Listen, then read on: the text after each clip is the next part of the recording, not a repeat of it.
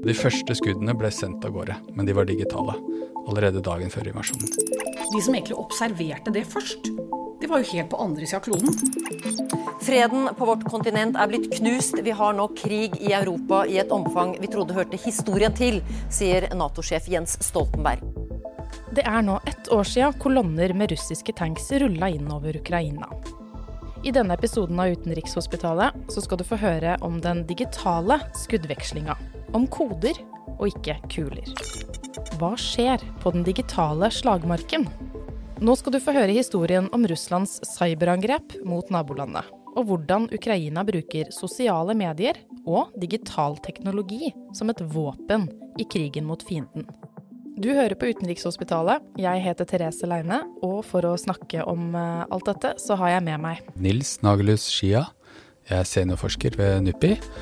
Og jeg er leder av Avdeling for sikkerhet og forsvar og Forskningssenteret for eh, digitalisering og cybersikkerhet. Nils, du har omtalt uh, deler av krigen som utspiller seg mellom Russland og Ukraina som den digitale slagmarken. Hva legger du i det? Da mener jeg all krigføringen som utspiller seg i cyberspace. Bomber og granater er byttet ut med digitale koder. Og store storaffensiver er kanskje byttet ut med koordinerte cyberangrep. Også det som skjer i sosiale medier, hvor uh, det som skjer på den fysiske slagmarken, da, dokumenteres fortløpende og livestreames. Og så en, en, siste ting som også foregår på den digitale slagmarken, det er da kampen om narrativet. Vi skal komme tilbake til hvordan sosiale medier blir brukt som et våpen i krigen. Men først så skal vi ta for oss hva som skjedde før og etter Russlands storoffensiv 24.2.2022. Russland har invadert Ukraina, kamper flere steder i landet. De første angrepene kom i morgentimene. Men dagen før dette så eh, startet egentlig eh, det egentlige angrepet. Eh, det var ikke med tanks og det var ikke med bomber og granater eller jagerfly. Det var med digitale koder. Og de ble sendt av gårde via en skadevare som heter Foxblade. Og denne skadevaren var rettet mot uh, offentlige institusjoner, kritisk infrastruktur osv. for å slå ut kommunikasjonslinjer og for å forvirre Ukraina, og for å støtte opp under den konvensjonelle invasjonen som skjedde dagen etter. Det som er verdt å merke seg med eh, dette angrepet, det var at det ble oppdaget på andre siden av jorden av eh, bl.a. Eh, Microsoft. Så det sier noe om eh, hvor global faktisk uh, dette som skjer i Ukraina og krigen mot Ukraina er, og hvor involvert andre parter er, inkludert private selskaper. Da Russland avfyrte de digitale kodene som en del av storoffensiven mot nabolandet, så gikk alarmen hos Microsoft, som har ukrainske myndigheter som kunde. Når det skjedde, så De som egentlig observerte det først, det var jo helt på andre sida av kloden. De satt i Redman i vårt uh, hovedkvarter. Kristine Breitland er direktør for Corporate Affairs i Microsoft Norge. Hun forteller at det er AI og eksperter som tolker den informasjonen, som gjør det mulig for Microsoft å oppdage cyberangrep. Det er en form for alarm, da, hvor teknologien detekterer et mønster som vi gjenkjenner. Og da er det jo det forensic-teamet som er spesialister på å vurdere den type mønstre, da. Eh, og og de sikkerhetsekspertene som sier oi, her har vi noe. Og så begynner vi straks da med å, å hjelpe og beskytte.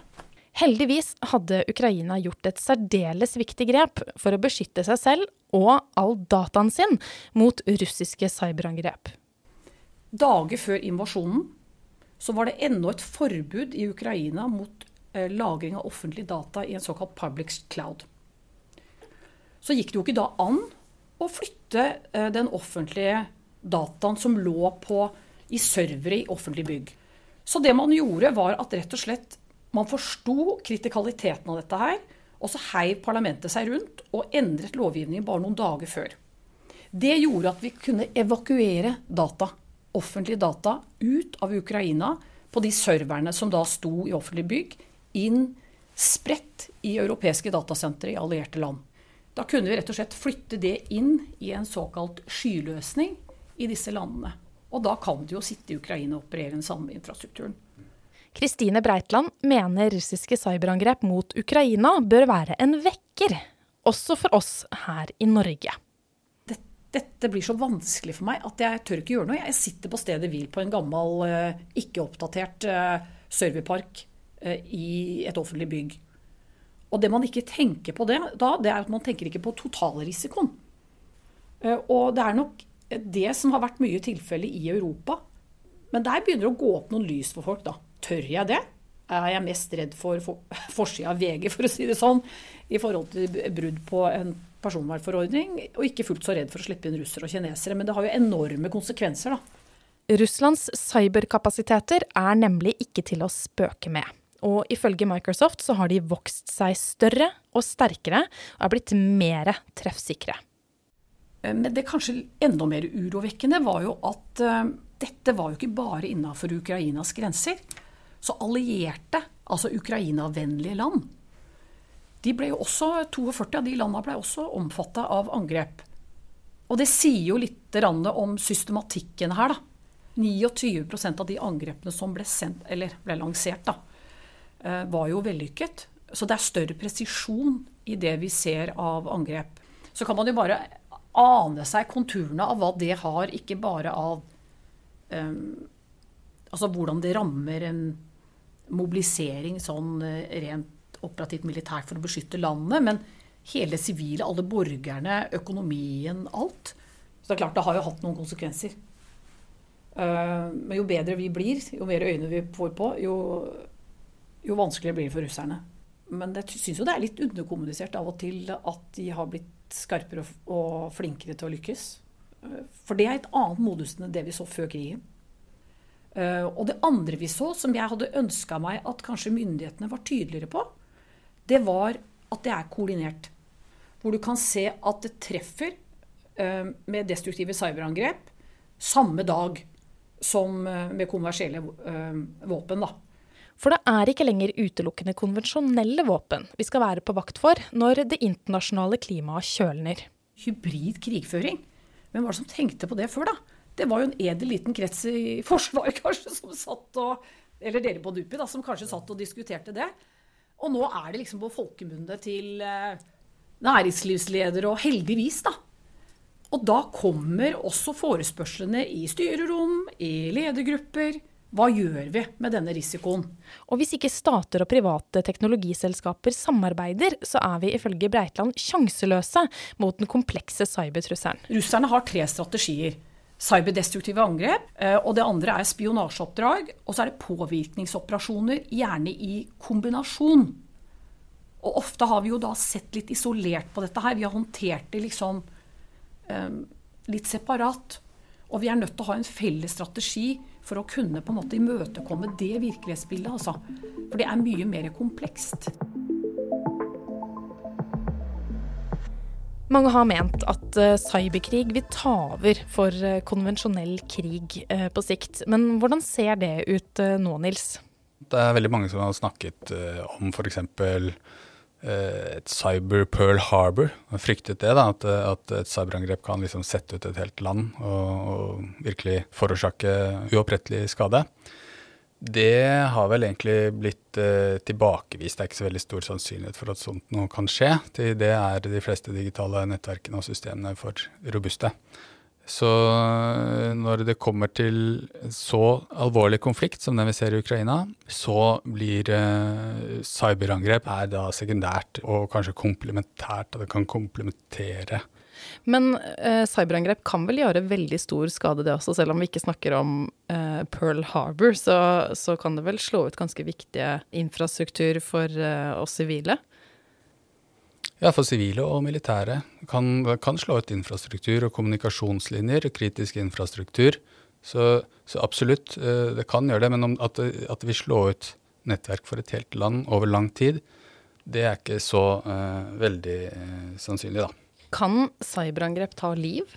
Vi har jo ikke sett at cyberangrep har tatt noen liv ennå, men vi har sett at cyberangrep har ført til fysisk eh, ødeleggelse. Og det mest kjente cyberangrepet da er Stuxnet, som jo var skadevare som ble eh, plassert på en iransk eh, kjernevåpenfabrikk. Og det, den skadevaren førte til at turbinene der, sentrifugene, de, gikk, eh, de spant altfor fort rundt og førte til at det eksploderte. Da. Så det var kanskje første gang man så at cyberspace, eh, skadevare i cyberspace hoppet over til den virkelige verden og førte til fysiske eksplosjoner. Så da var det mange som ble veldig skremt.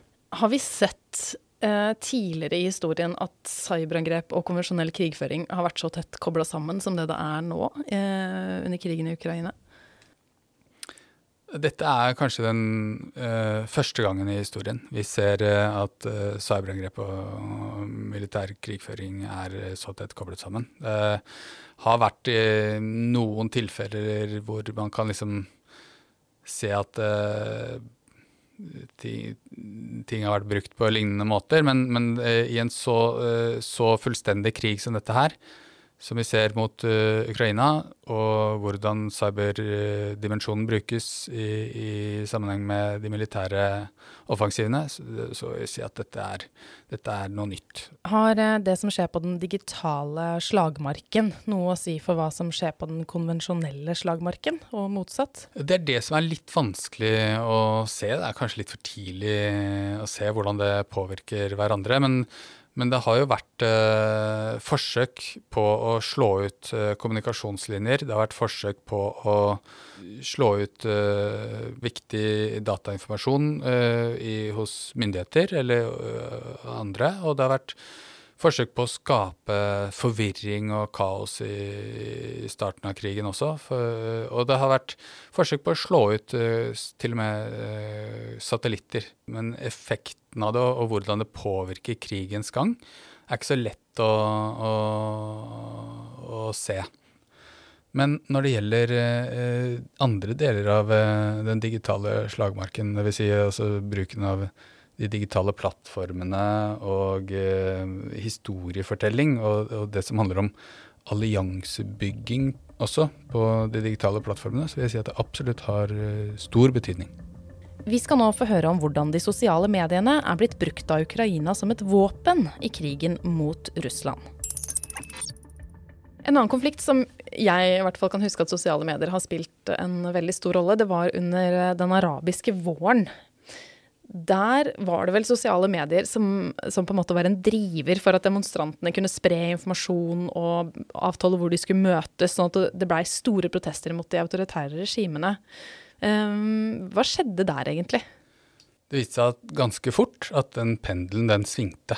Så istedenfor å være et verktøy for uh, demokratisering og uh, fri flyt av informasjon og sånne ting, så ble det et verktøy for eh, de autoritære lederne til å slå ned protester og til å kontrollere befolkningen eh, gjennom overvåking og, og identifisering av, av eh, opprørere.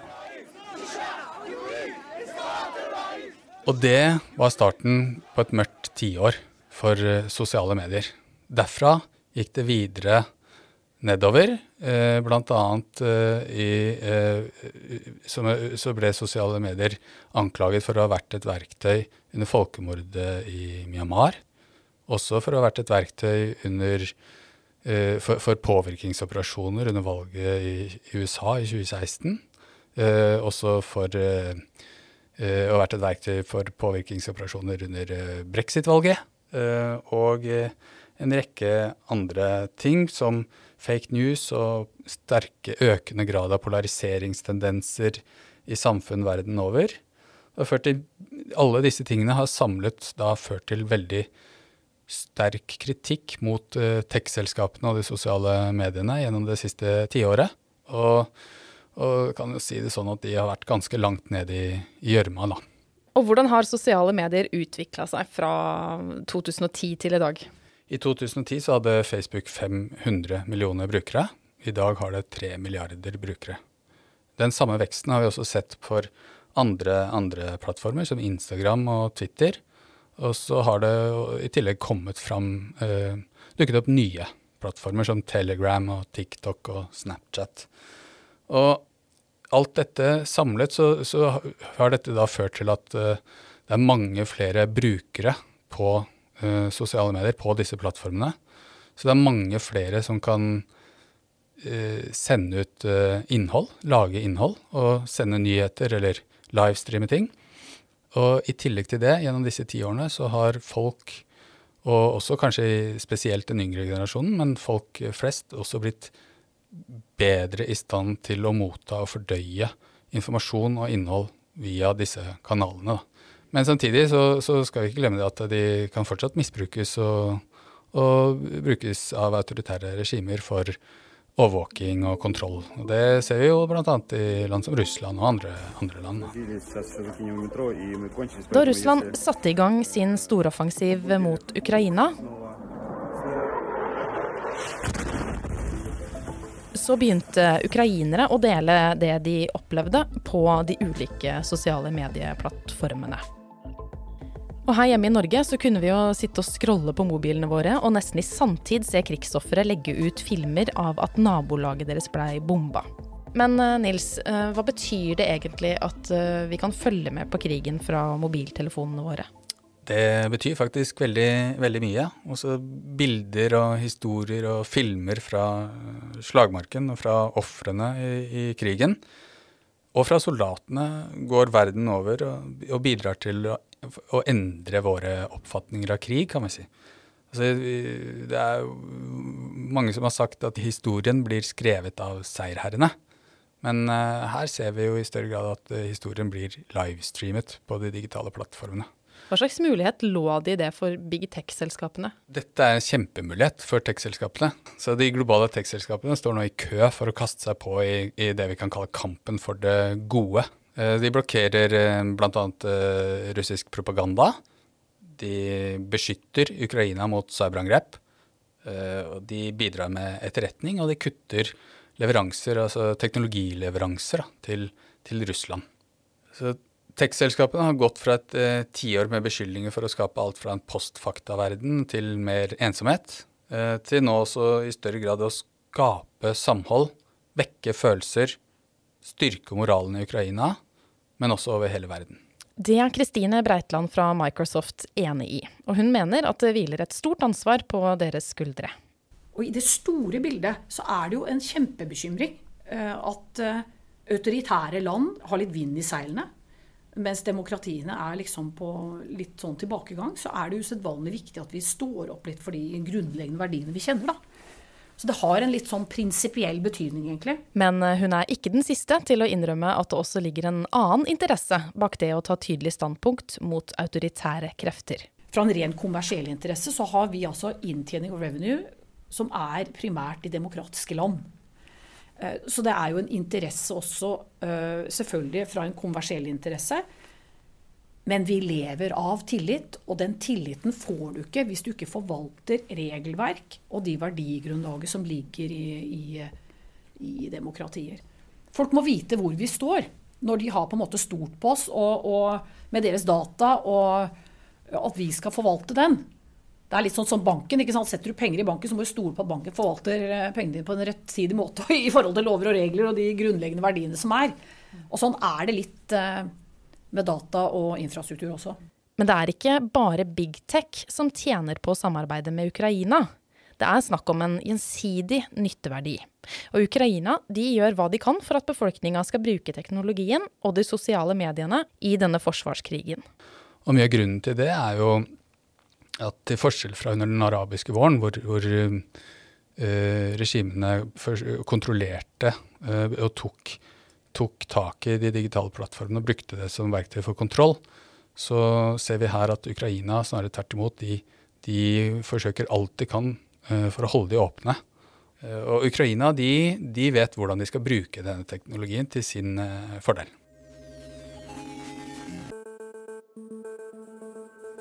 Og når vi snakker om Ukraina og sosiale medier, så er det spesielt én person som jeg vil at du skal merke deg. Det er Mikhailo Fedorov tidenes yngste minister i Ukraina, og er både visestatsminister og digitaliseringsminister. Han ble født i 1991, samme året som staten Russland ble etablert. Og som et barn av generasjon smarttelefon, så har Fedorovs viktigste prosjekt vært å gjøre 100% av alle offentlige tjenester digitale innen 2024. Foreløpig så er smarttelefonprosjektet satt på vent, for han har nemlig hatt enda viktigere ting å foreta seg. Fra et hemmelig sted i Kyiv så har han hatt en prominent rolle i den digitale krigføringa mot fienden. Han har satt opp en frivillig IT-hær med soldater fra hele verden for å drive cyberangrep mot Russland. Og ved å bruke sitt foretrukne våpen, nemlig sosiale medier, så har Fedorov oppfordra toppsjefer i store multinasjonale selskaper som Meta, Google, Apple, YouTube og Microsoft til å kutte båndene til Moskva og vise solidaritet med ukrainerne. Selv en av klodens rikeste menn har fått en solid poke fra Fedorov. Kort tid etter invasjonen, da Ukraina sleit med internettilgangen, så ble Elon Musk tagget i en twittermelding. At Elon Musk, while you try to colonize Mars, Russia tried to occupy Ukraine. While your rockets successfully land from space, Russian rockets attack Ukrainian civil people. We ask you to provide Ukraine with Starlink stations and to address sane Russians to stand. Etter kort tid så svarte Musk på Twitter. Starlink service is now active in Ukraine. More terminals on route. Og da var det ordna. Nils, hvor viktig tror du Fedorov har vært for Ukraina på den digitale slagmarken? Altså, eh, veldig viktig. Eh, Fedorovs rop om hjelp, eh, kan vi si, på, på Twitter har eh, også en veldig sterk eh, symbolsk eh, effekt. Så, og den, den effekten den bidrar eh, sterkt inn i en, en global fortelling eh, som spiller seg ut på, via de digitale plattformene, om at Ukraina er et eh, moderne land som behersker den digitale teknologien, og som er opptatt av fri flyt av informasjon, og at de spiller på lag med tech-selskapene, og at de på en måte representerer framtiden. Og en annen person som ikke bare jeg, men eh, vi tror eh, nærmest alle i Norge med en konto på sosiale medier har fått med seg, det er eh, president Volodymyr Zelenskyj. Slava nashim, Slava Ukraini. Han veit jo hva han driver med på Instagram og YouTube f.eks. Hva, hva tror du målet hans er? Altså, det er helt uh, riktig. Altså, Fedorov og Zelinskyj er på en måte et radarpar her. Fedrov uh, eh, var rådgiver for Zelinskyj under valgkampen hans, og fikk han valgt til president. Og eh, uh, Zelinskyj står da i spissen for, for, for denne kampen, og også for for kampen om narrativet på den digitale slagmarken. da. Og det at vi har sett tidlig i krigen og gjennom hele krigens forløp. Zelinskyj stå midt i kamphandlingene omtrent, da, med, med feltuniform og, og rapporterer fra, fra felten til uh, ukrainerne og hele verden. Det tror jeg ikke man, det er mulig å undervurdere hvor stor uh, effekt det her har på uh, støtte og motivasjon for ukrainere, men også for all den støtten han har samlet da i resten av verden. Men hva med Putin, da? Altså, det er jo nesten helt karikert hvor forskjellig disse to personene fremstår i, i mediene. Uh, så når vi så helt i startfasen hvordan uh, Zelinskyj sto da i feltuniform midt i Kiev mens uh, bombene falt rundt han omtrent, mens vi så da samtidig Putin som satt isolert bak et svært bord og kommuniserte med sine borgere som han sendte ut i krigen mot Ukraina. På den digitale slagmarken så kan vi si at det, det livestreames en global fortelling om to land som faller ned på hver sin side av historien. Så da har du da nytt mot gammelt, moderne mot uh, arkaisk, eh, demokrati mot uh, diktatur, og fri flyt av informasjon og åpenhet mot kontroll og sensur. I Utenrikshospitalet så skal vi jo forsøke å diagnostisere verden bit for bit.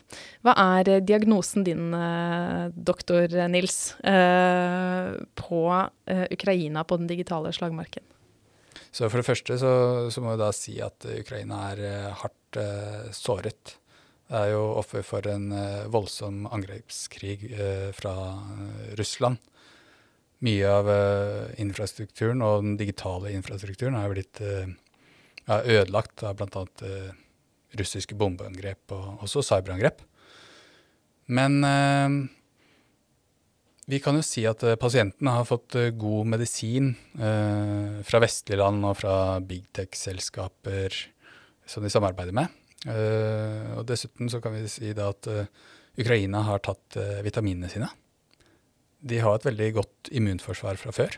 Pasienten, eller Ukraina, da, det er, er jo skadet. Det, det kan vi ikke legge skjul på i det hele tatt. Men, eh, men når det gjelder den digitale slagmarken, så, så har Ukraina fortsatt gode forutsetninger til å, å levere bra i, i tiden som kommer. Altså.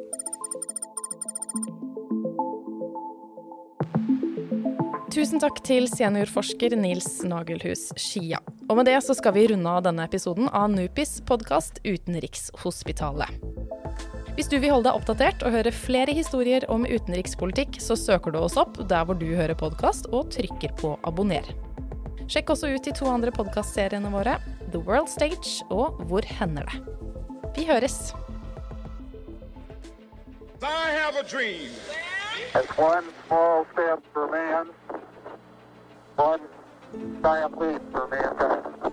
I 60 år har Nupis Hvor hender det? Fulgt de viktigste sakene i verdenshistorien.